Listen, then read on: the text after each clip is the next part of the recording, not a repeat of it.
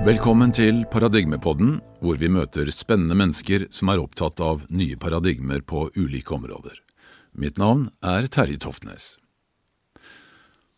Dette er altså episode nummer 25 i Paradigmepodden, og vi markerer på en måte et lite jubileum. Vi har produsert 25 episoder på like mange uker, og synes jo dette er fantastisk både gøy og inspirerende, og har fått veldig mange følgere. Så det er med en utrolig glede vi jobber videre med dette podkastprosjektet. Men altså, i denne episode 25 så har jeg lyst til å gjøre noe som er litt annerledes, fordi jeg har jo også hele tiden hatt i tankene at jeg vil fortelle litt mer om min egen spesielle opplevelse, nemlig min reise i kreftuniverset. Jeg har jo vært inne på dette tidligere og fortalt litt om det i podkasten som vi hadde med Tove Traheim, men det var på en måte en, en veldig kortversjon, så jeg har lyst til å utdype dette litt mer i denne podkasten nummer 25.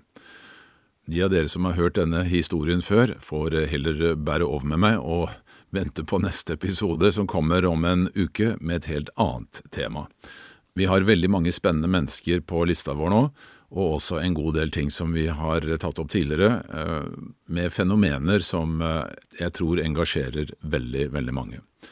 Vel, jeg har lyst til å starte da med å fortelle at jeg egentlig ikke skulle sittet her i det hele tatt, fordi for seks år siden så fikk jeg altså da en ganske heftig kreftdiagnose.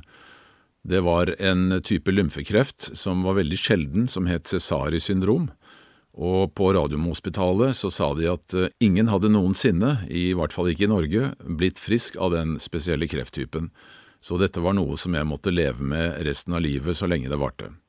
Og da jeg googlet medisinske nettsider, da jeg kom hjem, så så jeg at median overlevelse var altså på 32 måneder, som var altså sånn ca. to og et halvt år. Så jeg fikk jo en veldig dårlig følelse, må jeg si, men først litt om selve bakhistorien.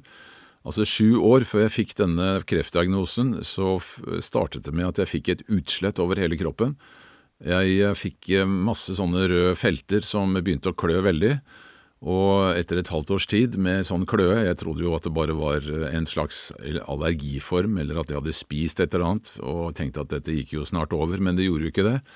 Så jeg var hos en hudlege som sa at dette kaller vi atopisk eksem, og jeg spurte hvorfor har jeg fått det. Nei, det er skyldes uflaks, det er umulig å si, noen får det, noen får det ikke. Så det var primært uflaks, og jeg måtte bare smøre på kortisonkrem da, som skulle holde dette nede. Og det gjorde jeg da i flere år, faktisk, smørte på kortisonkrem, men hver gang jeg stoppet for å liksom ta en sjekk, så blussa dette her opp igjen. Og det ble bare egentlig verre og verre, og fikk masse sånne røde felter som begynte hvor huden begynte å flasse av videre, helt fra tærne og opp til albuene. Så det var veldig plagsomt, men jeg hadde det heldigvis ikke på hendene og ikke på halsen og sånn, så du, når jeg hadde på meg klær, så var det ingen som kunne se det. Men det klødde jo forferdelig, og jeg lå og klødde i søvne, og ja, det var, det var ikke noe særlig greit. Etter at jeg hadde holdt på med dette her i et par år, så gikk jeg til en ny hudlege som sa at dette kaller vi psoriasis. Så, og jeg spurte hvorfor har jeg fått dette? Nei, det skyldes uflaks. Det er sånn som noen får, og vi vet ikke helt. Men det kan jo selvfølgelig ha noe med ditt levesett å gjøre, men det, det kan vi ikke si med sikkerhet, for det finnes veldig lite forskning på sånne sammenhenger. Og botemiddelet var altså da å smøre på kortison, som jeg da allerede hadde gjort veldig mye. Så det som videre skjedde da, var at jeg fortsatte med kortison, og dette ble jo da bare stadig verre og verre og verre, men som den evige optimist som jeg alltid har vært, så tenkte jeg at dette går vel snart over, kanskje det er et virus, kanskje det er noe som bare skal ut av kroppen min, så det må nok gi seg til slutt. Og jeg var jo egentlig ganske bortskjemt, for jeg hadde nesten aldri vært noe særlig sjuk i mitt voksne liv. Jeg tror altså i løpet av 35 år så hadde jeg vært borte fra jobben et par dager på grunn av at jeg hadde forløftet meg og hadde vondt i ryggen. Så jeg var liksom Jeg tenkte at min kropp, den tåler det meste. Men samtidig så må jeg jo si at jeg også på, i alle disse årene hadde levd egentlig veldig usunt. Jeg drev jo en liten mediebedrift og hadde veldig krevende kunder, store Vi jobbet jo mye for mange av de største selskapene i Norge og lagde informasjonsfilmer. Og jeg hadde også holdt på med, sammen med, med Ragnhild, å lage dokumentarfilmer i flere år. Så altså Det var veldig mye deadlines, og litt for ofte så våknet jeg på kontorpulten klokka fem om morgenen med avtrykk av tastaturet, datatastaturet i panna, når det skulle være ting som måtte være ferdig til neste dag. Så det hadde vært mye sånn stress, og også medfølgende da dårlig mat. Når du har mye å gjøre og du må ha ferdige ting, så var det mye lettere å løpe ned på en bensinstasjon og få montert inn en pølse og en Kvikk Lunsj og en cola, istedenfor å gå hjem og begynne å lage mat. Og det ble mye frossenpizza osv. på kontoret, og veldig mye kaffe. Sånn at skal vi si, mitt levesett var preget av egentlig veldig usunt usunn kosthold og en usunn livsstil. Det paradoksale var jo at vi noen år før hadde laget en film som het Levende helse, hvor vi på oppdrag fra en, en av våre kunder hadde laget da en film som forklarte veldig mange av disse sammenhengene mellom kosthold og helse, blant annet. Så jeg visste jo en del om hvordan man egentlig burde leve for å holde seg frisk. Men uh, den som da ikke tok dette på alvor, det var jo undertegnede, fordi jeg var jo aldri syk. Så det gjaldt jo egentlig ikke meg, men jeg kunne godt fortelle andre hva de burde gjøre. Men uh, nok av det. Uh, jeg hadde jo en sterk følelse at det var dette som nå hadde innhentet meg, at jeg hadde levd på denne måten. Og jeg ble jo da veldig bekymret etter hvert, fordi at disse feltene som, hvor de verste utslettene var, begynte plutselig å, å, ta form av noen klumper. Og bare på altså, noen få uker så vokste det opp noen sånne svære kjøttklumper som så nesten ut som jeg håper å si, rå hamburgere, eller skal vi si rosinboller. Jeg fikk to-tre sånne på det ene låret og bak på rumpa og i knehasen osv. Og, så og tenkte at nå er, det, nå er det ting som skjer her. Og Ragnhild ble jo veldig bekymra. Så jeg eh, endte da, etter konsultasjon med fastlegen hos uh, Rikshospitalet, som så på dette på hudavdelingen der og tok noen prøver, og så sendte de meg videre til Radiumhospitalet, som også tok noen prøver og opererte ut en svær sånn lymfeknute som jeg hadde da fått i lysken, som var tre ganger seks centimeter. Det var svært som et egg, eh, og dette måtte de gjøre da for å stille en diagnose. Så i eh, den 29. juni i 2016 så fikk jeg da beskjed om at jeg hadde lymfekreft av en veldig sjelden type, som bare en fem–seks fikk hvert år i Norge. Og eh, måten å bøte på dette på var da å starte umiddelbart med strålebehandling av disse store svulstene som jeg hadde da fått på kroppen og også da videre med immunterapi, og, eh, som da bare ville virke i 20% av tilfellene, sånn at eh, sannsynligheten var stor for at jeg da måtte ganske raskt over på cellegift. Dette var noe som jeg ikke hadde spesielt lyst til, fordi jeg hadde jo da ganske mye eh, kunnskap om hva denne type behandling gjør med kroppen. Hvis du går gjennom en sånn behandling og overlever, så blir kroppen aldri den samme. Og dessuten så hadde jeg en bror som var som var eh, naturlege, biopat. Og han hadde jo lenge eh, sagt til meg at Terje, nå må du ta til fornuft, og så må du komme til oss og få en skikkelig undersøkelse, for du må få gjort noe med dette utslettet ditt. Altså det var før jeg fikk selve kreftdiagnosen. Men altså, han var jo min lillebror, og jeg var jo aldri syk. Dette var bare noe forbigående, så jeg hørte ikke på det øret. Men etter at jeg fikk denne kreftdiagnosen på Radiumhospitalet, så var det første jeg gjorde når jeg kom ut i bilen, var å ringe min bror og sa det at Tom, nå trenger jeg hjelp. Fordi øh, jeg ba nemlig legen om, øh, om øh, litt betenkningstid. Jeg ville ikke si ja til å starte kreftbehandlingen deres umiddelbart, fordi jeg tenkte at Altså Når de sier at dette er uhelbredelig, jeg kommer aldri til å bli frisk av det, og jeg så da at jeg hadde en, altså en sånn tidshorisont på to og et halvt år, så tenkte jeg at jeg er nødt til å prøve noe annet. Jeg kan ikke bare godta dette, og så skal jeg liksom sakte bare fases ut av uh, livet.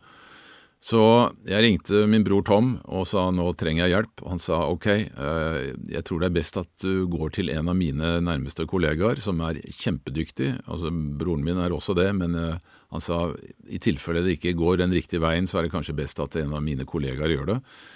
Så jeg eh, møtte opp hos han. Ragnhild og jeg dro dit sammen umiddelbart etter at vi hadde vært på Radiumhospitalet. Og eh, i løpet av tre, en undersøkelse som da tok tre timer, så han, hadde han brakt eh, det meste eh, på, på, det rene. Og eh, han gjorde da først en, eh, en, undersøkelse hvor han tok en bloddråpe fra fingeren min og så på den i mikroskop, i et mørkefelt mikroskop. Som, eh, hvor du da kan se blodet, altså det levende blodet, hva som er inni det levende blodet. Det er et mikroskop som forstørrer tusen ganger. Og det var helt utrolig å se inn i dette levende universet av eh, mine blodlegemer som svømte rundt der, sammen med hvite blodlegemer og sammen med en enorm mengde med andre mikroorganismer.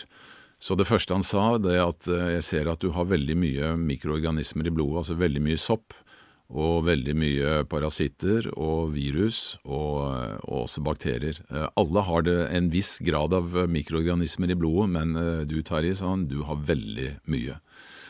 Så han tok også da en irisdiagnose, eh, som han sa at irisdiagnose forteller en god del. Det, det, ikke, det, forteller ikke hele sannheten, men det gir oss også veldig mange bra parametere. Eller veldig, da, veldig gode markører på det også. Og så tok han i tillegg da en frekvensanalyse hvor du skanner gjennom kroppen ved hjelp av et spesielt frekvensapparat.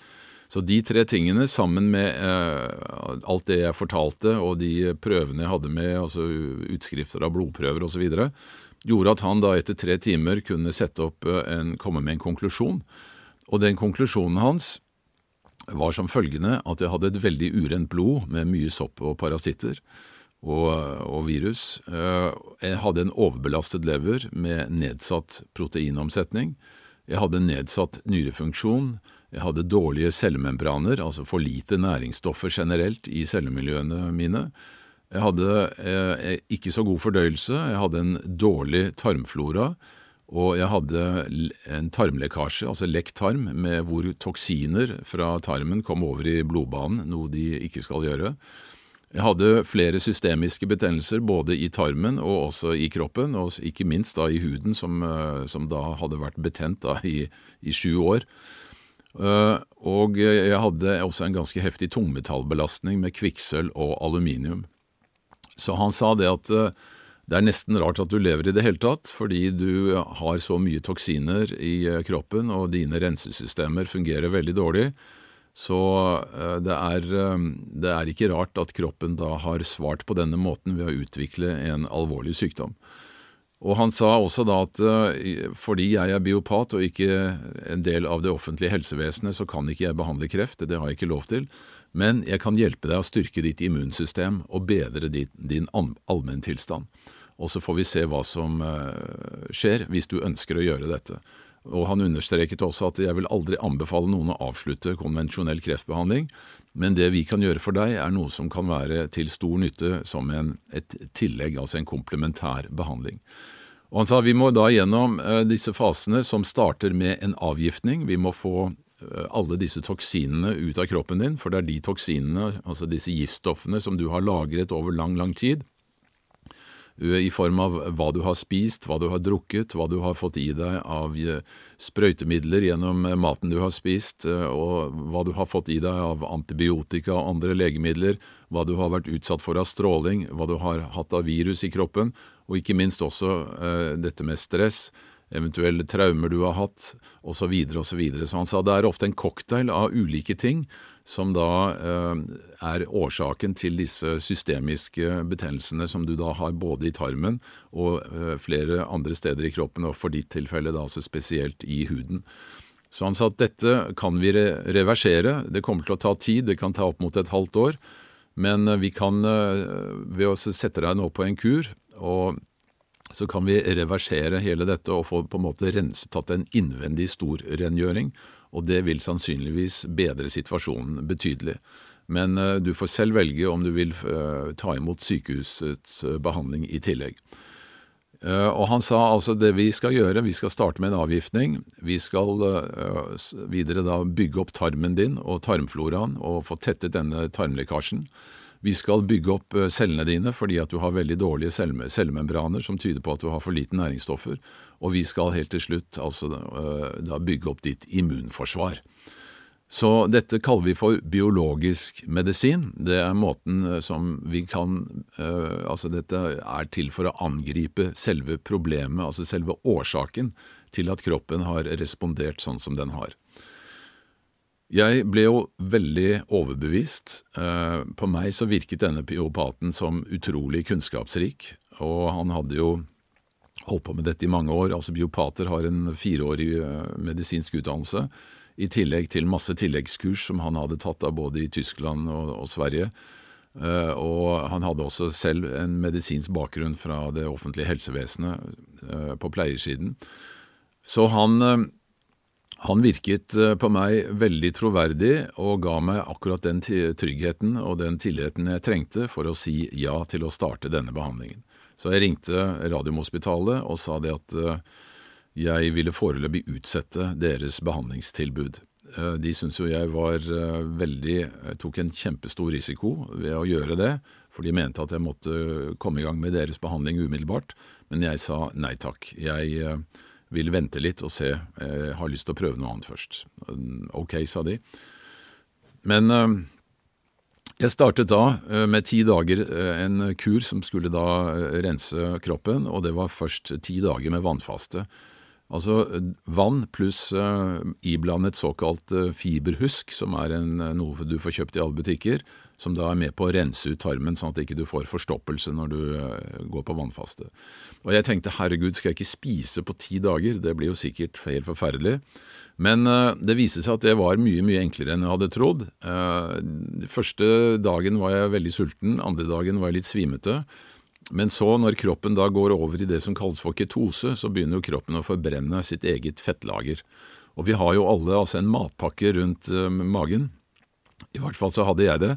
Så når kroppen da begynner å forbrenne sitt eget fett, så mister du den sultfølelsen, og du kan leve veldig lenge på ditt eget fett hvis du har en del å ta av. Uh, så ti dager uten, uh, uten, mat, det var faktisk Det gikk helt greit. Og jeg må si at jeg har mistet veldig respekt for de som eh, klarer å skape store overskrifter i avisen, at de har klart å overleve tre dager i villmarken uh, uten mat etter å ha gått seg vill. Det er liksom helt fantastisk. Faste er eh, ikke så noe big deal i det hele tatt. Det er jo mange som faster i ukevis. Og faste er jo nå også blitt veldig mye mer trendy, fordi man ser at det har store helse, altså positive helseeffekter å få renset ut kroppen. Og at man gjør dette innimellom er eh, veldig sunt, og det er kanskje også en av grunnene til at flere av våre store organiserte religioner oppfordrer folk til å faste innimellom. Det er eh, noe som gjør godt både for kropp og sjel. Jeg gjorde det i ti dager, og etter de ti dagene så begynte det allerede å skje ting. Eh, men før det skal jeg fortelle hva jeg fortsatte med. Da. Etter å ha fastet i ti dager, så skulle jeg over på en diett som besto primært av å spise grønnsakssuppe. Og det var grønnsaker fra de grønnsakene som vokser nært jorda, altså, eller på jorda, da. Som eh, alle typer kål og alle typer løk. De som vokser under jorda, de er fulle av glukose, eller altså av stivelse, som er et sukkerstoff de som vokser på bakken, de har mye, mye mindre karbohydrater i seg. Så det var altså en ekstrem lavkarbodiett som jeg skulle spise da eh, morgen, middag, kveld. Uh, og i tillegg til, uh, til uh, grønnsakssuppe så måtte jeg sørge for å få i meg nok fett. Så jeg måtte dynke suppa med olivenolje, gjerne kokosolje, og også meierismør kunne jeg gjerne ha oppi. Meierismør var det meieriproduktet som kroppen reagerer minst på. Eh, jeg måtte selvfølgelig da holde meg unna altså meieriprodukter og, og andre, alle andre typer eh, Eller ikke alle andre, men Jeg måtte da selvfølgelig holde meg unna meieriprodukter, og spesielt eh, karbohydrater i alle andre former, så det var bare denne suppa jeg hadde lov til å spise. Første måneden så skulle jeg bare spise grønnsakssuppe uten noen andre tilsetninger enn dette fettet, og jeg kunne også spise så mye avokado jeg ville, for det inneholder veldig mye fett.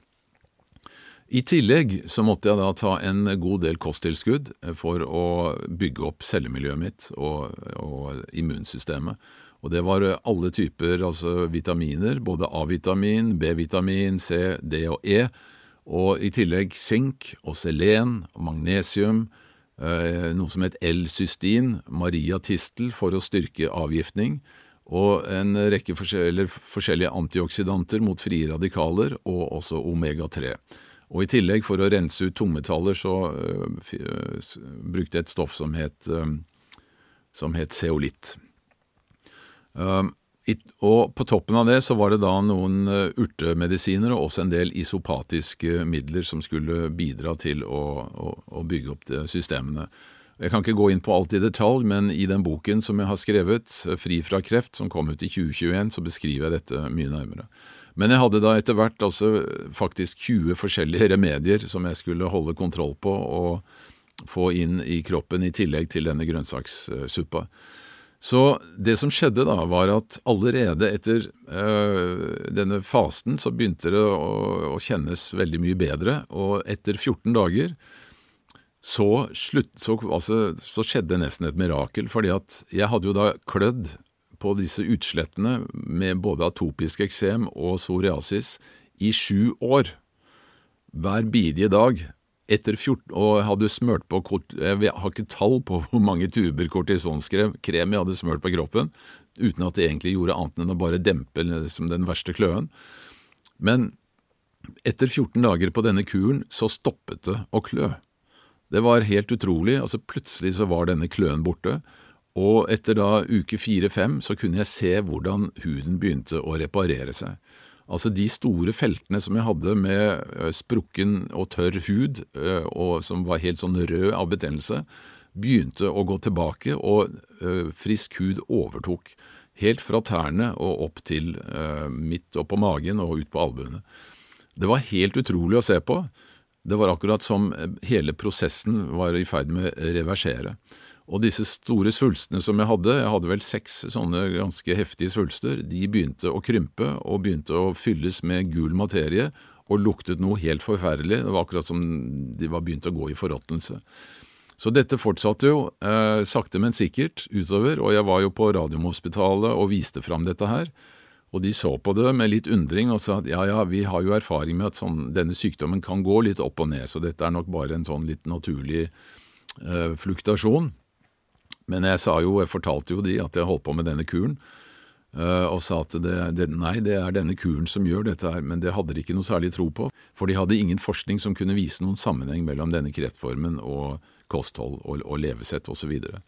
Og Det var jo også en av de tingene jeg hadde reagert på når jeg fikk diagnosen, fordi uh, jeg spurte jo da, uh, når jeg fikk diagnosen, hva var årsaken til at jeg hadde fått denne kreften, og de sa at nei, det skyldes uflaks. Det er uh, tilfeldigheter i, i, celledelingen, altså du får da mutasjoner, og noen av de cellene de har da klart å overleve og begynt å, å lage disse kreftproblemene. Så det kaller vi ut uflaks. Og jeg sa det at uh, hva skal jeg gjøre selv da med dette, når jeg var, fikk diagnosen. Så sa de nei, du kan bare gå hjem og leve som normalt, så skal vi ta oss av sykdommen. Og jeg sa herregud, jeg kan jo ikke leve som normalt, det er jo det som har gjort meg syk. Nei, de hadde ingen forskning som kunne vise noen sammenhenger. Så det, det, var jo også en av grunnene til at jeg ble litt betenkt, for når de sier at det er uflaks, så forteller det meg at det betyr at de vet ikke. Altså et, eh, Her mangler det kunnskap, og det var derfor jeg også jeg tenkte at eh, jeg ville prøve denne andre veien, fordi det var tydelig at der var det faktisk mye mer kunnskap om dette enn eh, det var på sykehuset.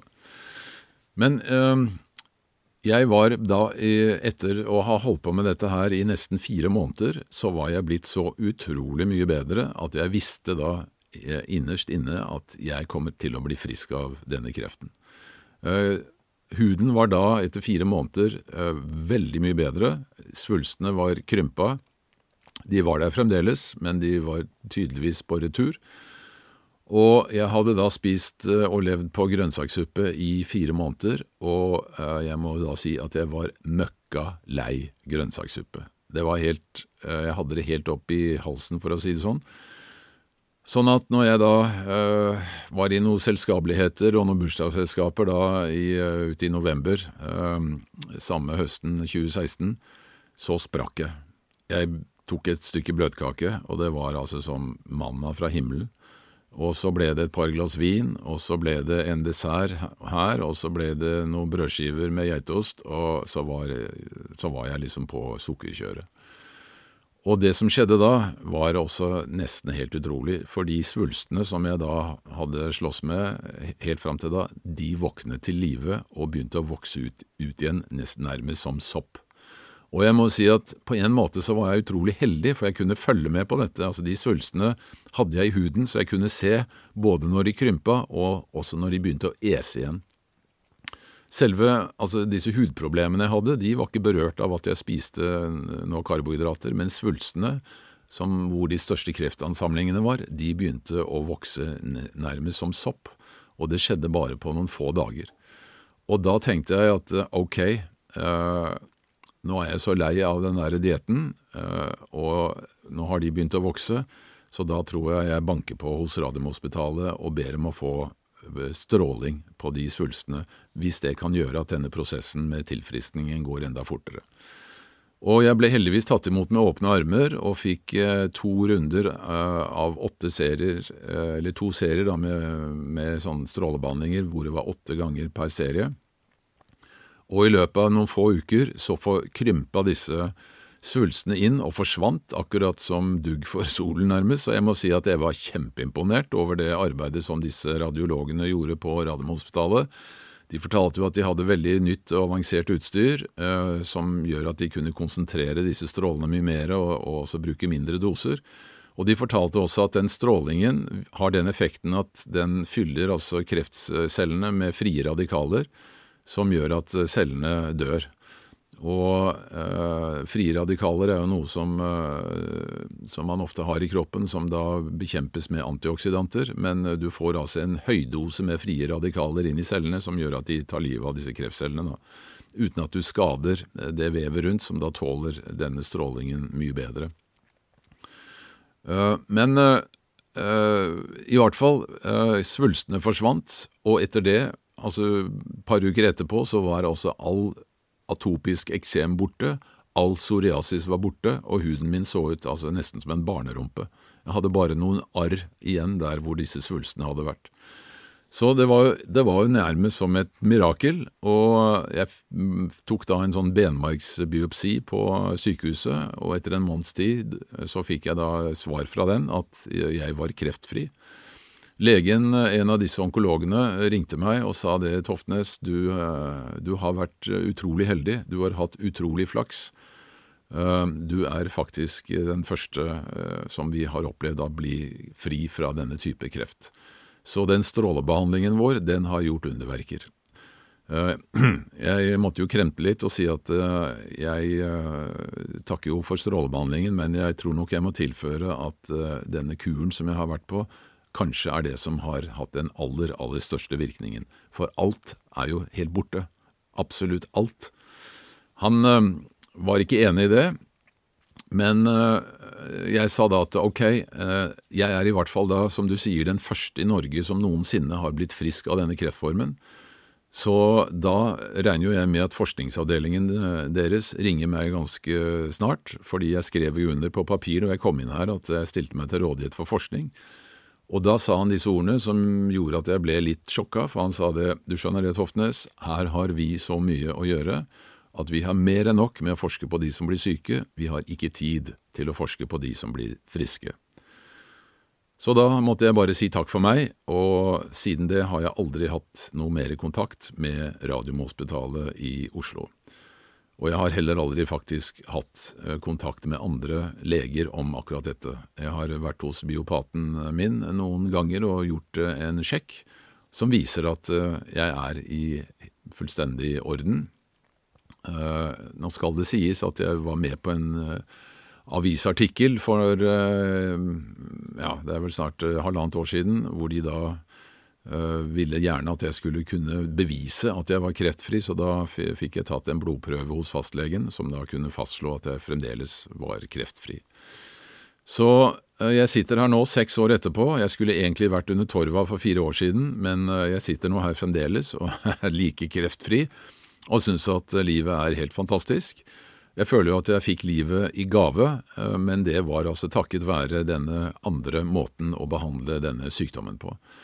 Så, eller kombinasjonen av det, da, for å si det sånn. Det som skjedde etterpå, var jo at jeg tenkte ok, Terje, du er blitt kreftfri, du er klart å bli helt frisk fra en kreftform som sykehuset sa var uhelbredelig. Dette kan jeg ikke holde kjeft om. Jeg kan ikke tillate meg å vite at det er altså, flere andre som har samme sykdommen, og som får den hvert eneste år, og uten at de vet at det finnes en annen mulighet. Så jeg tenkte at eh, da får du bruke de verktøyene som du har i verktøyskassa, og jeg har jo drevet med film hele livet, som tidligere nevnt. Informasjonsfilm. Så jeg startet på det prosjektet da med å lage filmen Fri fra kreft. Og i den forbindelse så startet jeg først med å skaffe meg all mulig tenkelig litteratur om kreft. Jeg kjøpte kreftbøker på nettet så det lukta svidd av kredittkortet. Eh, og leste og leste og leste, og jeg eh, gikk på nettet selvfølgelig og leste alt mulig om kreft. Og jeg fant jo fort ut at her var det veldig mye forskning som hadde nye ideer om hva som egentlig var årsaken til eh, kreftutvikling. Så jeg dro til Sveits og snakket med en lege der som har et annet syn på kreft, og som behandler kreft på helt, an, helt andre premisser, og som har fantastiske resultater. Eh, doktor Thomas Rau, som jeg skal komme litt tilbake til. Og jeg dro også til USA og traff eh, en som har skrevet en fantastisk bok om mitokondrier, og en som har skrevet en fantastisk bok om hele kreftens historie, uh, Travis Christoffersen. Og jeg traff også da Thomas Seafried, professoren i biologi på Boston College i Boston. Altså et stort universitet hvor han driver en forskningsavdeling for kreft og han har skrevet eh, boken for ti år siden som heter Cancer as a Metabolic Disease. Og her ligger da hele nøkkelen til denne nye forståelsen av kreft. Så da må vi inn på selve, skal vi si, det konseptuelle. Før det så skal jeg bare si litt om, eh, skal vi si, utviklingen av kreftsykdommer. Altså, Kreft er jo i dag den mest dødelige sykdommen vi har i Norge. Vi har 35 000 nye tilfeller hvert eneste år. Eh, en kvart million mennesker lever med kreft i Norge. Av de 35 000 som får kreft hvert eneste år, så er det altså en tredjepart som dør i løpet av et par-tre år. Så hver eneste dag så dør det altså nesten 40 mennesker av kreft i Norge, og ca. Altså 13 000-14 000 årlig. Og da sier man egentlig at er, kreft er altså faktisk blitt en epidemi. For 100 år siden så var det én eh, av 20 som fikk uh, kreft. For 70 år siden så var det én av ti. I dag er det altså én av tre. Og nå er det, Hvis du spør uh, skolemedisin om dette, så sier de at ja, ja, ja, men altså for uh, hvis vi går 100 år tilbake, så hadde de jo ikke så gode analysemetoder, sånn at det var nok mange som fikk kreft som aldri ble oppdaget. Så det er ikke helt riktig å si at det var bare én av ti. Og Dessuten så lever jo folk mye lenger nå, så det er mer sannsynlig at man får kreft når man blir gammel. Men allikevel, uh, selv om man Eh, tar disse momentene inn i bildet, så er allikevel kreftutviklingen veldig, veldig heftig. Det er en kurve som stiger nesten eksponentielt. Sånn at eh, de aller fleste, eller altså enhver tredje nordmann, får kreft før fylte 75 år i dag. Det er i hvert fall et faktum. Og det er i seg selv jo ganske, ganske oppsiktsvekkende. Samtidig så sier nå eh, både eh, Verdens helseorganisasjon og mange andre forskningsinstitutter at kreft sannsynligvis henger sammen med både livsstil og, og kosthold i den vestlige verden, hvor denne utviklingen er eh, primær. Mens, eh, mens altså vår, eh, våre kreftforskere her i Norge og Kreftforeningen sier at eh, kreft skyldes primært uflaks. Eh, jeg har jo eh, vært i dialog med mange etter hvert, og fremdeles er altså den rådende oppfatningen blant både kreftleger og kreftforskere her på, i landet at kreft skyldes primært uflaks, selv om man sannsynligvis kan se sammenhenger med levesett og, og, kosthold, men man vet ikke hvordan disse sammenhengene egentlig er, fordi det er gjort veldig lite studier på det foreløpig. Vel, jeg, eh, jeg oppsøkte da disse andre miljøene som har helt andre syn på hva som skaper kreft, og nå kommer jeg da til det poenget. Uh, aller først så kan vi jo starte med det som er den rådende kreft, altså for, forklaringen, og hvorfor man sier at kreft er uflaks. Fordi det hender at gener får skader under celledeling. Vi vet jo at kroppen har jo, altså, den inneholder noe sånt som et sted mellom 40 og 50 000 milliarder celler. Og disse cellene de uh, fornyer seg hele tiden ved at de deler seg. Noen deler seg veldig ofte, noen mye senere, men altså en, de cellene som du hadde i kroppen for ti år siden, alle de er borte. Så den kroppen du, fysiske kroppen du hadde for ti år siden, den den eksisterer ikke lenger, for å si det på den måten. Uh, cellene deler seg hele tiden, og når cellene deler seg, altså hvert eneste minutt, så er det millioner av celler som har delt seg i kroppen din. Og så mener man da at av og til så oppstår det en feil i denne celledelingen. Fordi når cellen deler seg, så skal altså dette arvestoffet, altså denne DNA-spiralen som inneholder da 23 000 gener blant annet, skal dele seg i to, og så skal hver halvdel vokse ut igjen i den nye cellen. Og Da sier man at uh, av og til så oppstår det feil da, i denne delingen av DNA-spiralen, slik at noen, uh, noen, celler får da såkalte mutasjoner. Altså genstrukturen blir ikke riktig, og det er disse cellene som da kan bli til kreftceller. Nå er det heldigvis sånn at uh, vi har reparasjonsgener i arvestoffet, som gjør at disse cellene reparerer seg selv, og hvis det skulle skje at noen av disse ikke blir reparert, så har vi da vårt eh, immunsystem, våre immunceller, som sørger for å, å uskadeliggjøre de cellene som er ødelagt. Sånn at vi har altså veldig gode systemer, systemer for å håndtere sånne skadde celler. Men likevel mener man da at av og til så slipper noen av disse skadde cellene ut og uh, mister, altså fordi de er skadet, så mister de kontroll med med, med altså de systemene som skal kontrollere celleveksten, og så begynner de å, å vokse ut av kontroll og, og, danne egne svulster etter hvert. Og, og, ja, rett og slett øh, sånn, det er sånn kreften utvikler seg, da. Uh, og disse svulstene kan også da slippe ut uh, kreftceller som kan danne nye svulster andre steder, altså det vi kaller metastase. Det er den rådende oppfatningen at det skyldes uflaks i celledelingen, og så kommer ting ut av kontroll. Så det er bare altså tilfeldighetene som rår. Og Derfor så er jo all kreftforskning og all kreftmedisin den er konsentrert om én en eneste ting, og det er å prøve å fjerne disse cellene. Altså prøve å drepe eller å fjerne kreftceller. Enten med kirurgi, med uh, cellegift, med stråling, eller også ved at du uh, forsterker immunsystemet ditt med såkalt immunterapi og setter immuncellene i enda bedre stand til å spise, og holdt jeg på å si, eller å, å drepe kreftceller. Så det er liksom de fire verktøyene man har i verktøykassa, og som da er grunnlaget for all kreftbehandling. Ulempen med disse fire verktøyene er at de alle har sine bivirkninger, og ganske heftige bivirkninger for veldig mange.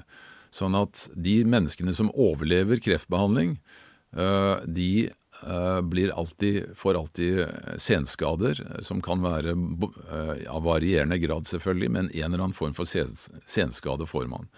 Sånn at kroppen blir aldri helt den samme etter at du har vært gjennom en kreftbehandling, dessverre.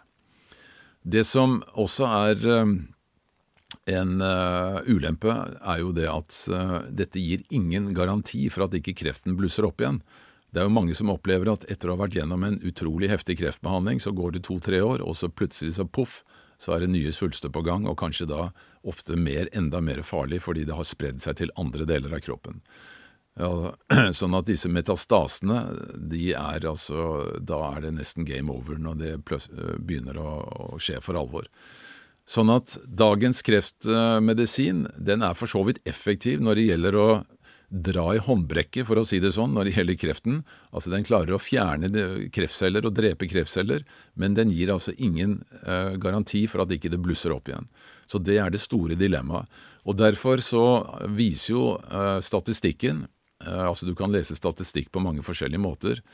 De som forsker på kreft, de har jo en veldig mye mer positivt syn på statistikken enn de som er litt mer nøkterne. Men for eksempel den amerikanske kreftlegen Asra Raza, som, driver, som er sjef for en svær kreft, kreftklinikk på universitetet i Colombia, hun mistet jo selv sin egen mann til kreft. Han var også onkolog og fikk beste behandling. Det tok fire år før han døde av sin kreft. Men hun sier jo det at hvis vi ser alle kreftformer under ett, så har altså overlevelsen de siste 30 årene så har overlevelsen altså økt bare med 4% Altså 4% forbedring i generell overlevelse av kreft på 30 år, på tross av en milliardindustri som forsker på kreftmedisiner. Og hun sier også at uh, i en periode, altså fra på ti år, hvor det kom ut 70 nye typer kreftmedisiner, så ble forbedret overlevelse på ca. 2,1 måneder. Så hun er veldig pessimistisk, egentlig, og sier at vi har ikke klart å knekke kreftkoden, vi har ikke løst denne gåten. Vi har bare funnet for så vidt bedre og bedre medisiner, men stort sett så er kreft fremdeles en stor gåte, og, vi, eh, og, folk fortsetter å dø. Og jeg var selv da på et seminar i, eh, i Kreftforeningen for en par uker siden eh, som gjaldt en spesiell type altså hjernesvulst, glioblastom. Og på 40 år med intens forskning så har det vært altså null forbedrelse i overlevelse av hjernesvulst. Og det er, eh, sier jo temmelig mye om eh, hvor håpløst eh, denne sykdommen er, når vi ser på den som om Altså i dette paradigmet da, som sier at det skyldes uflaks av tilfeldigheter i celledelingen. Vel, det er da den rådende forestillingen av kreft. Så møter jeg da dr. Thomas Seafried og disse andre som jeg nevnte, som sier at det er en stor tragedie at uh, kreftregimet er som det er, fordi at det er basert på en helt feil forståelse av hva som egentlig skjer inni cellene. Og jeg tenker aha, det kan, være, kan ikke stemme det at altså, titusenvis, kanskje hundretusenvis av kreftforskere kan ta så feil. Jo, sier Thomas Seafred, de har tatt uh, grunnleggende feil i det som er årsaken til kreft. Og nå skal jeg forklare deg hva det er, sier han. Eh, og jeg var og intervjuet han, han brukte to timer på å forklare meg dette. Det intervjuet med han, eh, i hvert fall størsteparten av det, eh, det offentliggjorde jeg i en postkast, eller det la jeg ut i en podkast for ikke så lenge siden, så hvis dere søker i Paradigmepodden, så jeg husker ikke nå hvilken episode det var i farten, men der ligger da dette intervjuet med Thomas Seafried, hvor han forklarer hele årsaken til kreft. Uh, altså sett med da disse nye øynene og denne nye forskningen. Men jeg skal prøve her å komme med en uh, kortversjon. Uh, det som disse mener, da, er at vi starter med et utgangspunkt som har med energiproduksjon i, kreft, i, i vanlige celler å gjøre. Fordi en, altså selve cellen som vi har da overalt i kroppen, og som vi da som sagt har altså en 40 000-50 000 milliarder av i kroppen, hver eneste celle er som en liten kjemisk fabrikk. Og uh, cellens oppgave er å produsere energi og lage alle de uh, forskjellige proteinene og, og enzymene osv. osv. som uh, kroppen trenger for å kunne hele tiden opprettholde livet og regulere alle systemer og reparere alle skader osv. osv. Så, videre, så cellen den mottar næring fra blodet som går gjennom cellemembranet inn i selve cellen. Og denne næringen består egentlig i hovedsak av fire ting.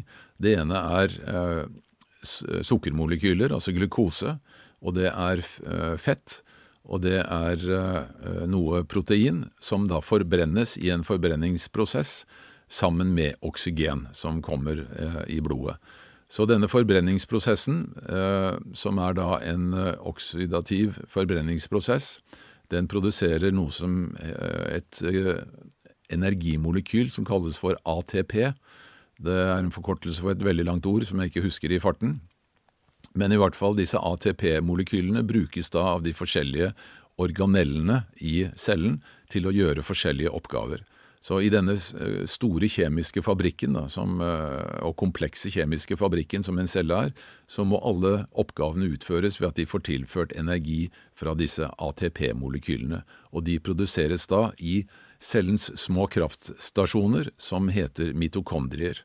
Og det er altså noen selvstendige eh, små eh, enheter som faktisk eh, minner veldig om en bakterie, for de har sitt eget DNA, sitt eget arvestoff.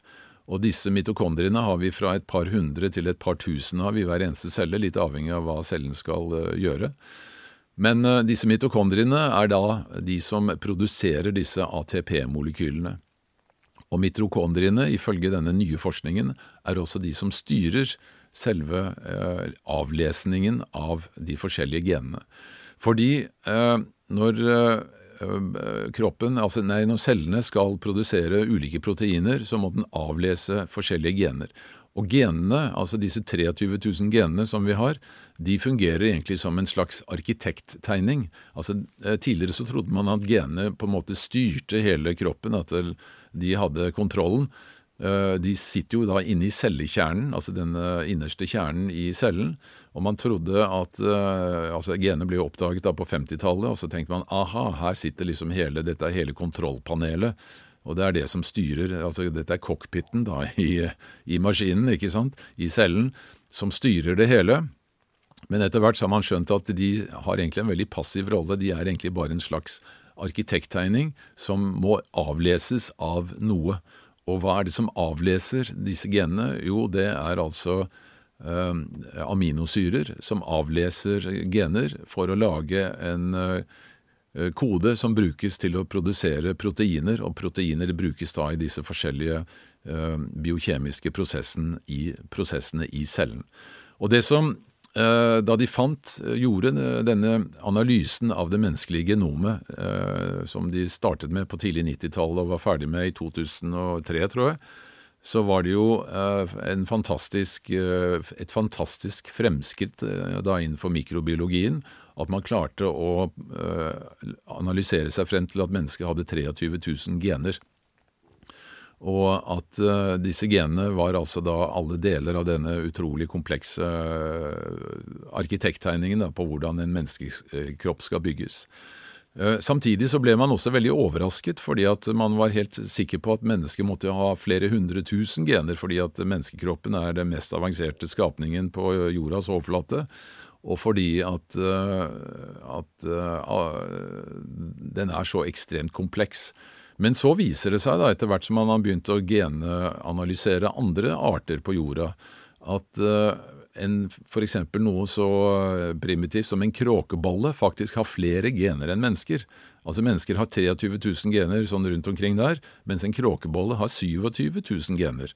Og et riskorn har faktisk 38 000 gener.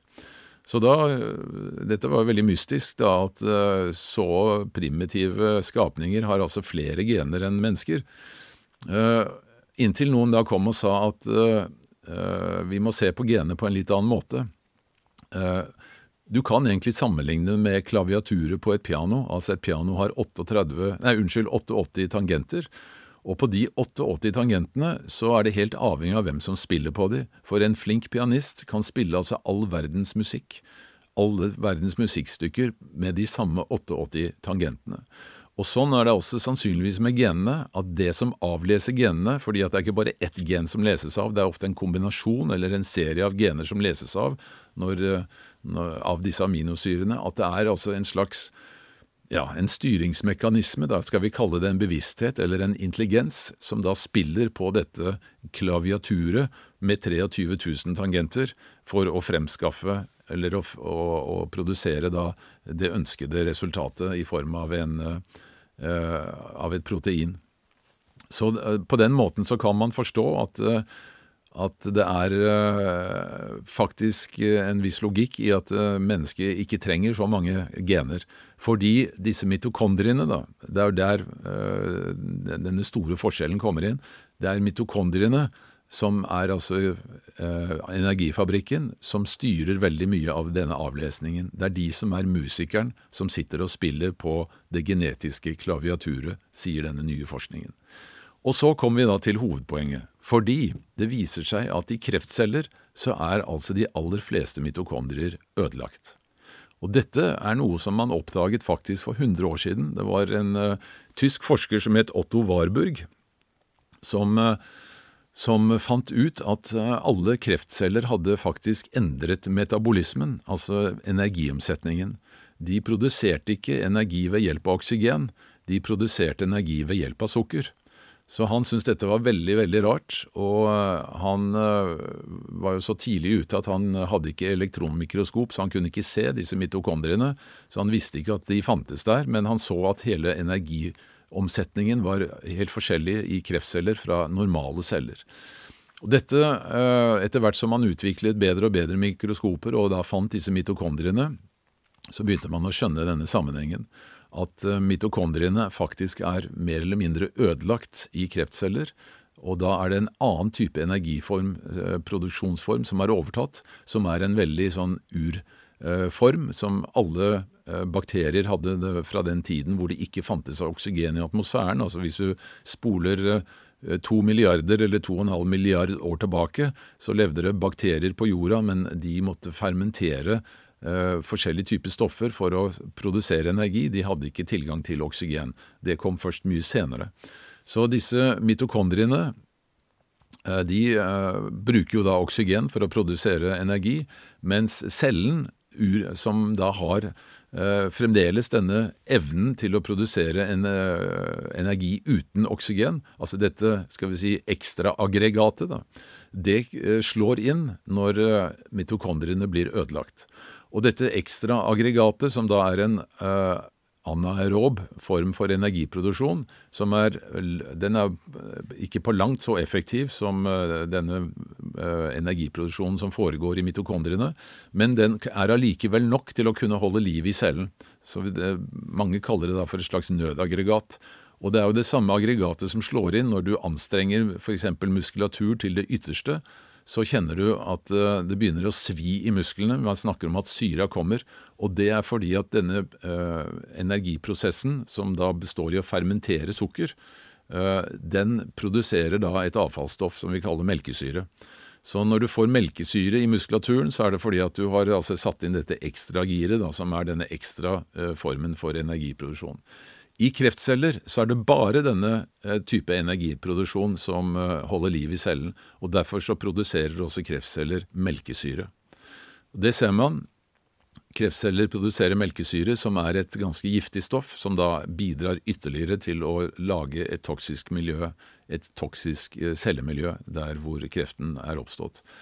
Sånn at øh, Årsaken til kreft, sier da professor Seafried og nå mange andre med ham, er at det er altså dysfunksjonell respirasjon i mitokondriene som forårsaker at eh, cellen er nødt til å gjøre justeringer for å klare å overleve, og da eh, sørger mitokondriene før de eh, dør, holdt jeg på å si, de sørger for å gjøre da endringer i genene, altså mutasjoner, slik at cellen kan konvertere over til en annen type energiproduksjon, og også øke celledelingstakten, og samtidig så skrues da dette selvmordssystemet av, fordi at når celler har delt seg et visst antall ganger, så, de, eh, så er de programmert til å begå et selvmord.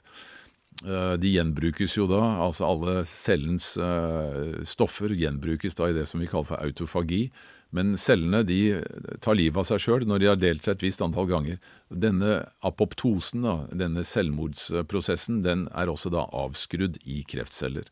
Så kreftceller de vokser i et større tempo, og de uh, dør ikke på samme måte som vanlige celler. Det er jo da et av hovedproblemene pluss at de da har koblet seg fri fra de reguleringsmekanismene som er i vanlige celler, fordi at reguleringsmekanismene styres av mitokondriene, og mitokondriene er da ødelagt.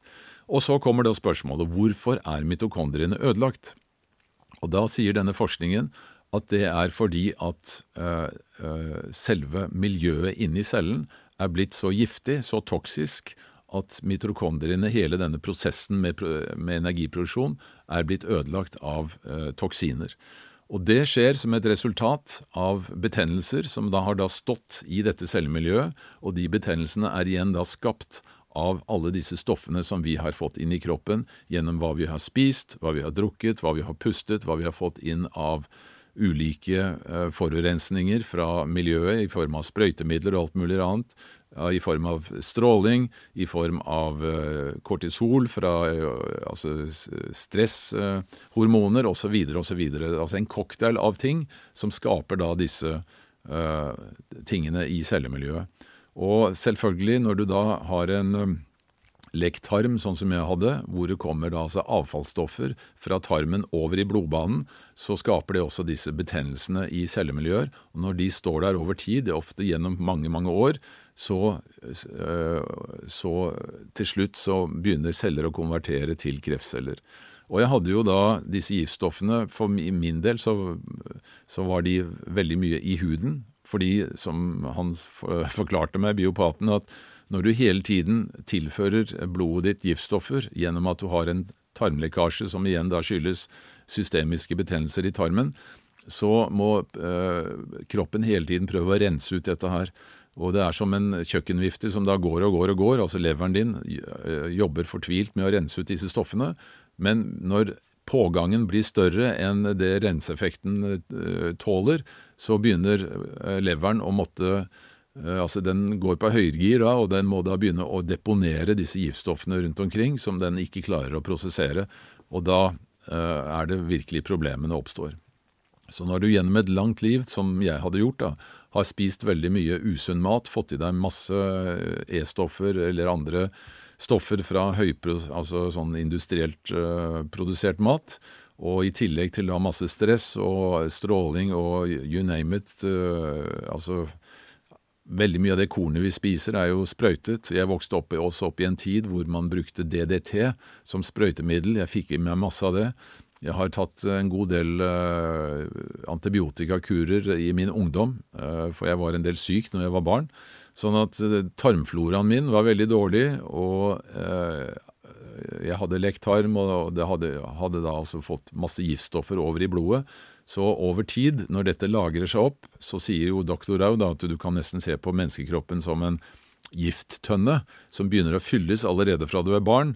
Og når du da passerer middagshøyden, altså 50-60, så er den tønna blitt så full av giftstoffer at det, da renner det over kanten. Og da blir man plutselig såkalt rammet av en uforklarlig kronisk sykdom. Eh, så går man til legen, og så skal den medisineres. altså Da skal man prøve å ta symptomene med medisiner.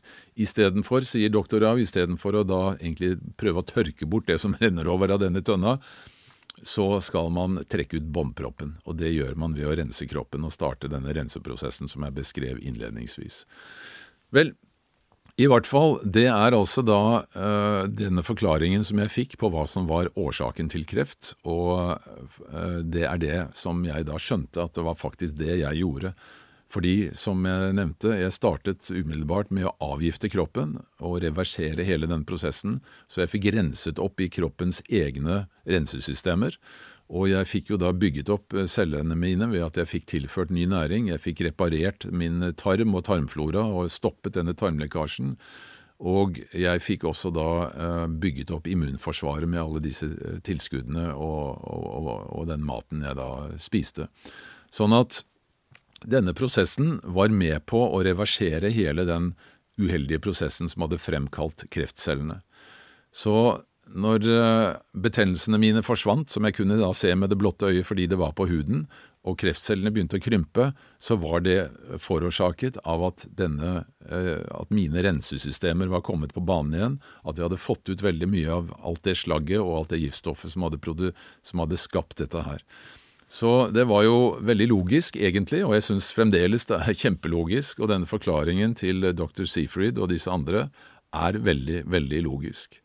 Vi hadde jo eh, dr. Seafried og Thomas Rau her på en svær konferanse i Sandvika i Oslo i eh, slutten av januar nå i 2023, hvor de også da gjentok dette og forklarte disse prinsippene, og fortalte jo også da om flere sykehus nå som har begynt å, å behandle kreftpasienter på denne måten, blant annet i Sveits. I, uh, I, Tyrkia er det en svær klinikk som gjør det. I England er det klinikker som gjør det, i USA, Mexico er det klinikker som gjør det.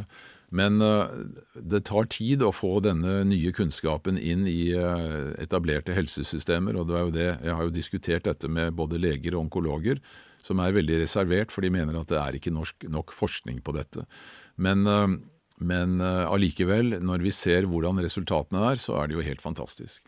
Og det som skjedde, var jo selvfølgelig Når jeg kom ut med denne filmen da, i 2019, så begynte jo telefonen å ringe. Og det Folk hadde som regel to spørsmål. Det var spørsmål én kan jeg få telefonnummeret til han som hjalp deg? Og spørsmål nummer to hvordan spiser du nå? Lever, hvordan lever du nå? Og jeg har ikke tall på hvor mange har sendt av gårde til disse biopatene. De er selvfølgelig litt reservert, for de har ikke lov til å behandle kreft. Det er jo ifølge denne lovgivningen så er det ikke lov å behandle alvorlige sykdommer for folk som da ikke er registrert eller som er del av det offentlige helsevesenet. Så de, de, er jo veldig forsiktige med å si at det de gjør kan påvirke kreften. De behandler jo egentlig bare allmenntilstanden, men det er også fullt lovlig å behandle folks allmenntilstand. Men at denne behandlingen da har god effekt på kreft, det har, er nå blitt vist så mange ganger. Fordi veldig mange av de som jeg har henvist til denne type behandling, ringer meg da et halvt år etterpå og sier at Terje, tusen, tusen takk for at jeg fikk dette telefonnummeret, eller at jeg kom i kontakt med denne type behandling, fordi nå er altså mine kreftsvulster nesten helt borte, og legen sier at de skjønner ikke hva som har skjedd, dette er jo nesten som et mirakel. Det er mange det er mange som kommer tilbake og gir meg den beskjeden, og jeg syns det er så utrolig gledelig samtidig som jeg syns det er utrolig trist at ikke denne kunnskapen når inn til det offentlige helsevesenet. For jeg mener jo at her må vi bruke det beste fra begge parter. Ja, vanlig kreftmedisin har veldig stor effekt når det gjelder å drepe kreftceller, og veldig ofte så er det veldig viktig, fordi når det gjelder spesielt aggressive kreftformer, så er det kjempeviktig å få dratt i håndbrekket skikkelig, sånn at ikke kroppen dør mens du får renset opp i systemet. Men som nevnt, altså hvis du ikke da fjerner årsaken til at kreften utviklet seg i utgangspunktet, så er du på mange måter nesten like langt, selv om du da klarer å fjerne de kreftcellene som har fått utviklet seg. Mens kombinasjonen av dette, altså både å fjerne årsaken og symptomet, det Altså, jeg kan ikke skjønne annet enn at det må jo, det må jo være det beste. Og når, når, vi altså sitter med så mange mennesker som opplever at de får fantastiske resultater av dette, så tenker jeg at nå må snart helsevesenet begynne å høre. Vi har altså en pandemi, ikke en pandemi, men en epidemi uh, av uh, kreft i dette landet. Det er den sykdommen som tar livet av flest mennesker. Og nå sitter vi altså med en mulig løsning her som gjør at dette kan reduseres betydelig. Og så er det nesten ingen som vil høre på, og det syns jeg er altså helt uh, Ja, jeg har ikke ord.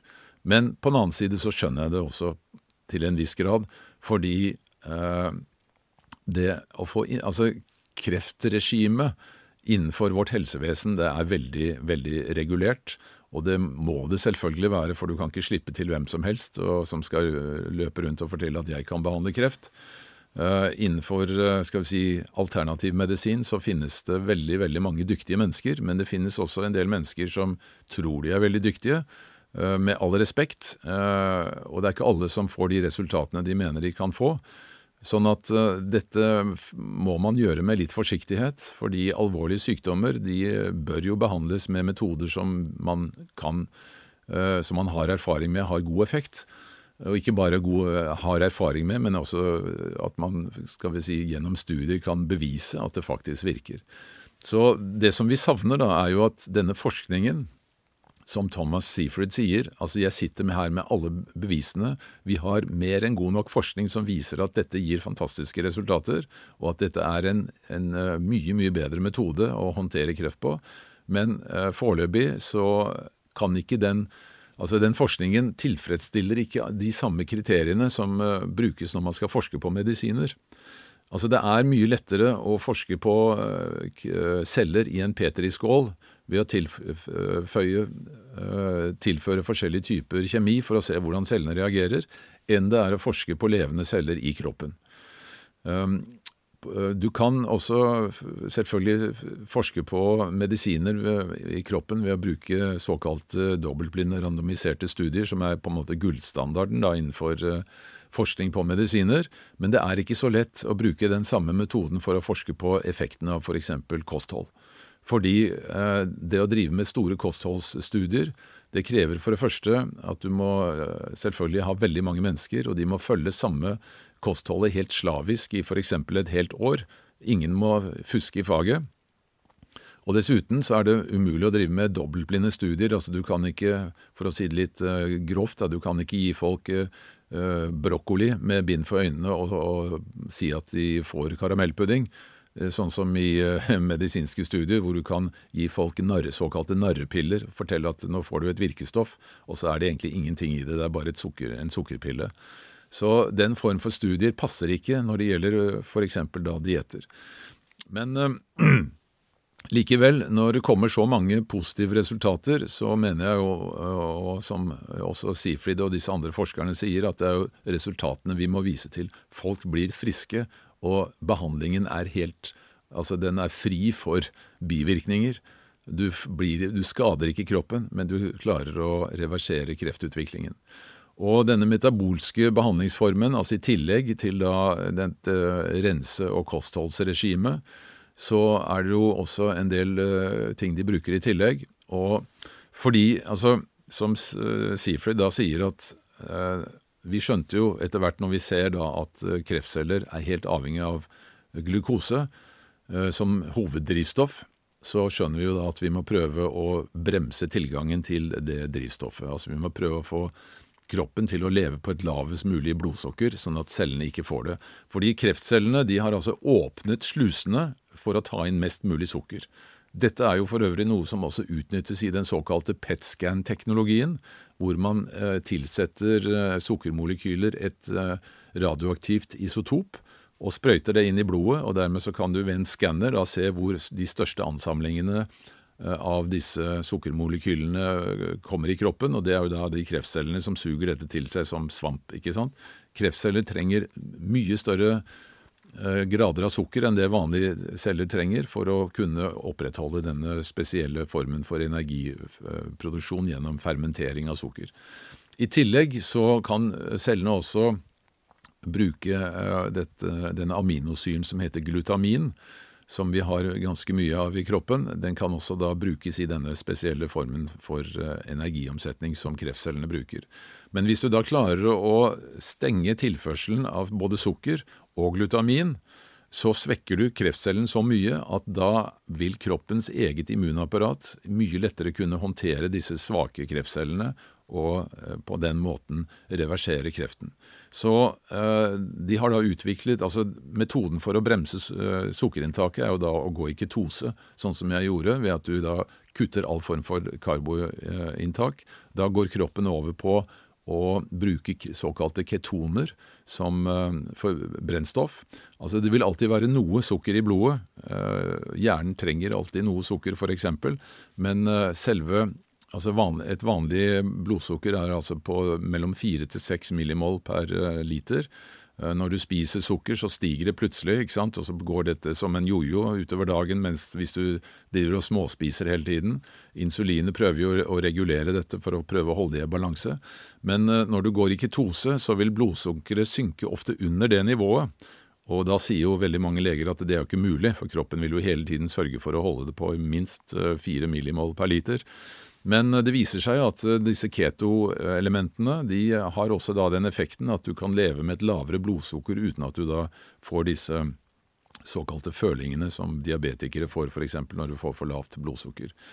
Sånn at du kan ved hjelp av å gå i ketose senke blodsukkeret ned til et minimum, Eh, og da vil også kreftcellene svekkes. Og når du da bruker noen eh, medikamenter som de har utviklet, som da bremser inntaket av glutamin i cellene, så har du på en måte strupet eh, veldig mye av inntaket av drivstoff, og da svekkes kreftcellene. Og slik at de blir et mye lettere bytte både for kroppens immunceller, men også for stråling og cellegift i mye svakere doser enn det som ellers brukes. Sånn at du kan da bruke konvensjonell medisin i svakere doser som ikke skader kroppen på samme måte som det ellers gjør, når du i utgangspunktet går i ketose. Så dette er en fantastisk ny måte å se det hele på, men altså hele endringen skjer når du uh, går fra å definere kreft som en genetisk sykdom til å definere kreft som en metabolsk sykdom. Så det skiftet der, altså mellom disse to forståelsesområdene, disse to forskjellige måtene å forstå kreft på, det er liksom hele hemmeligheten. da. Eh, og den er også veldig vanskelig å svelge for de som har brukt hele livet sitt på å eh, forske på kreft ut fra forståelsen at det er en genetisk sykdom.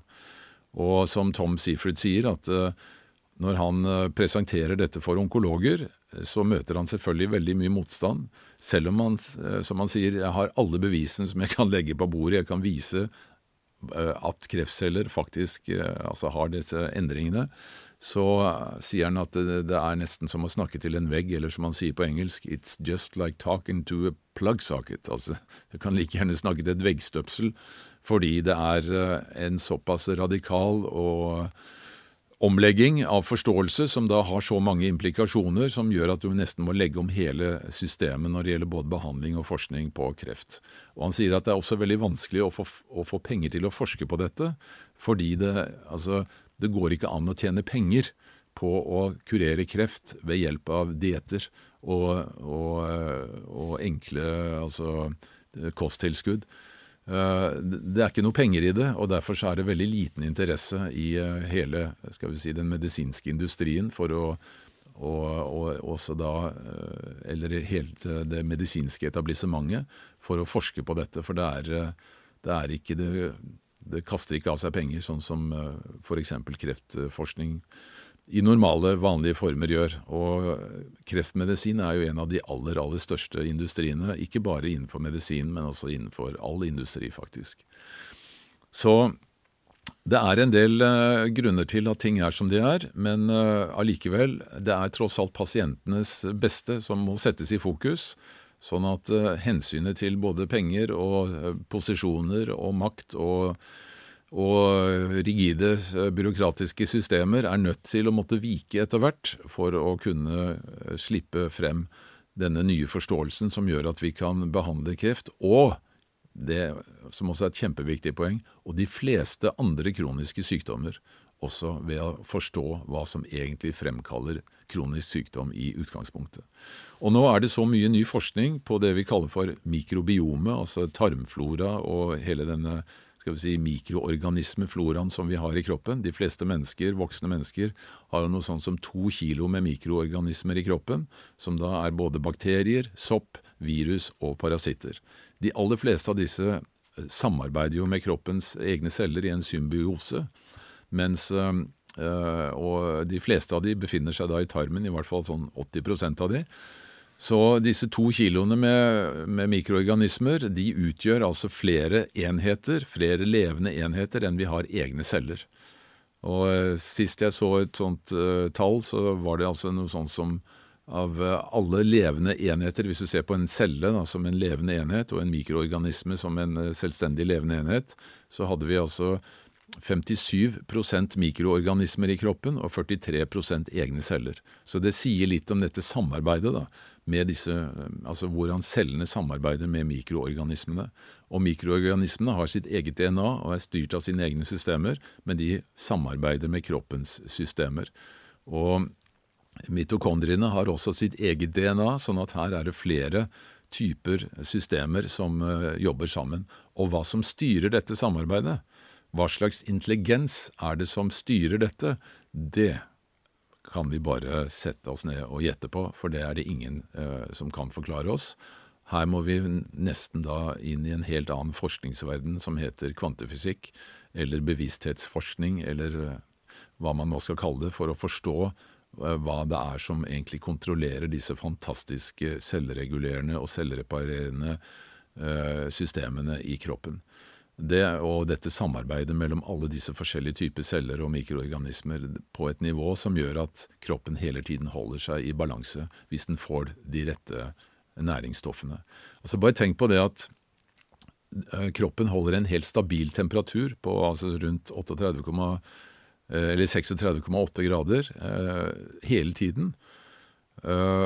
Hvis du får en infeksjon, så stiger kroppstemperaturen med et par grader for å drepe bakterier.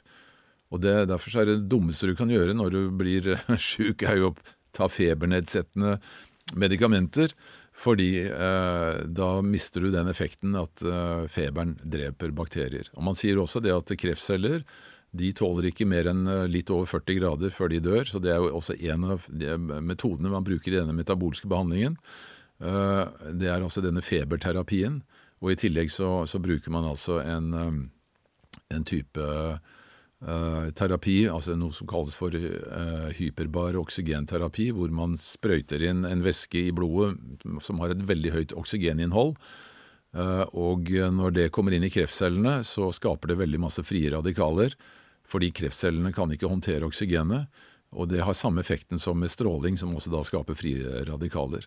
Så denne hyperbare eh, altså sånn, sånn hyperbare oksygenbehandling sammen med varmebehandling, sammen med eh, ketogent kosthold og sammen med rensing av kroppen osv. er det som er skal vi si, hele oppskriften da, i denne nye eh, behandlingsmetoden. Um, nå husker jeg nesten ikke hvor jeg var her, men um, i hvert fall så er det som sagt dette som jeg kom over i min reise i kreftuniverset, og som jeg har prøvd å få frem da, i både denne filmen og også i boka Fri fra kreft, som jeg skrev som kom ut i 2021. Og dette ble ytterligere forsterket i den konferansen vi hadde nå i januar, hvor alle disse tingene uh, har kommet enda lenger frem, og som jeg så vidt nevnte også, forskningen på mikrobiomet. Uh, der hadde vi også en fantastisk uh, forsker på denne konferansen som het Alessio Fasano, som er en av verdens ledende forskere på tarmbakterier. Og Han sier det at vi står nå foran en helt nytt paradigme når det gjelder å forstå disse mikroorganismenes rolle i kroppen. Sånn at uh, veldig mye av de kroniske lidelsene som vi har, som har vært et sånt stort uh, gråsoneområde for skolemedisinen, er vi nå i ferd med å kartlegge ved at vi kan f.eks. da genanalysere alle bakteriene som vi har i eh, tarmen, og se hva som finnes og hva som ikke finnes. Og det viser seg jo at eh, f.eks. naturfolk som lever tett på naturen, har jo dobbelt så mange ulike bakterier i, i, tarmen enn det som vi som lever i, i urbane altså bymiljøer i, i, Vesten. Så de fleste mennesker som lever i et vestlig byliv, de har eh, en mye, altså en veldig redusert eh, de, eh, altså antall forskjellige typer tarmbakterier, noe som gjør at man også da utvikler mye lettere kroniske sykdommer. Så det er jo en av årsakene til at man egentlig ikke bør skjerme barn for å få i seg både jord og og i kontakt med dyr osv., fordi at da mister de muligheten til å få disse vesentlige bakteriene. Og nå har jo også mange sykehus i USA begynt å, å gjøre en spesiell operasjon med barn som er tatt med keisersnitt, fordi når du altså, tas rett ut av magen uten å komme gjennom fødselskanalen, så får du ikke med deg alle de bakteriene som ligger i fødselskanalen, og som egentlig er helt livsnødvendig for, for, barn, mener man. Sånn at nå tar de da et utskrap av fødselskanalen til mor rett etter at barnet har kommet ut, putter det på en sånn q-tip og inn i munnen på barnet for at hun skal få, eller han skal få da den, disse rette bakteriene. Så det med bakterier er vi helt avhengig av. og eh, i motsetning til tidligere hvor man trodde at alle bakterier var veldig farlige, så ser man nå at de aller fleste bakterier er helt livsnødvendige for å kunne opprettholde en sunn kropp. Så denne symbiosen, dette samarbeidet mellom mikroorganismene og, cellene våre, er jo gjenstand for enormt mye forskning nå for tiden. Og vi har jo også dette med såkalt fekaltransplantasjon, hvor man altså rett og slett tar avføring fra friske mennesker og planter inn i tarmen på mennesker som har en dårlig tarmflora, og så blir de plutselig frisk fra en sykdom som de har slitt med i 30-40 år. Det er jo masse dokumentarfilmer om dette her på nettet. Så det er, det er veldig mye som skjer på denne fronten. Det er veldig sterk utvikling innenfor disse områdene, og kreft og er jo da en veldig vesentlig faktor her. Men også da alle andre kroniske sykdommer. Og man snakker jo selvfølgelig da om alle såkalte autoimmune sykdommer, altså hvor man tror at kroppen eh, angriper seg selv. Eh, det skyldes veldig ofte forholdet i tarmen, sier man, eh, og selvfølgelig da alle tarmsykdommer. Hjerte-karsykdommer har også sammenheng med, med tarm, og også da mange nevrologiske sykdommer som parkinson, Alzheimer og til og med ADHD og autisme skyldes veldig ofte forhold, eller skal vi si ubalanser i tarmen, fra, helt fra du er eh, altså barn og spedbarn. Så her kommer det mye ny forskning, og det kommer til å skje mye på dette området. og altså Kroniske sykdommer har vært det skal vi si, store problemområdet for moderne medisin. Eh, jeg har ekstremt stor respekt for moderne medisin som sådan. Altså, hva skulle vi gjort uten kirurgi? Hva skulle vi gjort uten alle medisiner mot infeksjonssykdommer? Hva skulle vi gjort uten alle de vaksinene som har utslettet veldig mange av disse farlige sykdommene vi hadde før? Uh, uh, man kan si mye om vaksiner, men at vi har klart å bli kvitt kopper og kolera og uh, tuberkulose og så videre. polio, altså takket være vaksiner. Men eh, det er altså fantastisk, det som eh, vår medisinske vitenskap har klart å, få frem. Men når det gjelder kroniske sykdommer, så har det liksom vært det store problembarnet hele tiden. Og nå ser vi altså muligheter til å kunne noen store, ta noen store kvantesprang fremover når det gjelder denne sektoren, og spesielt også da når det gjelder kreft.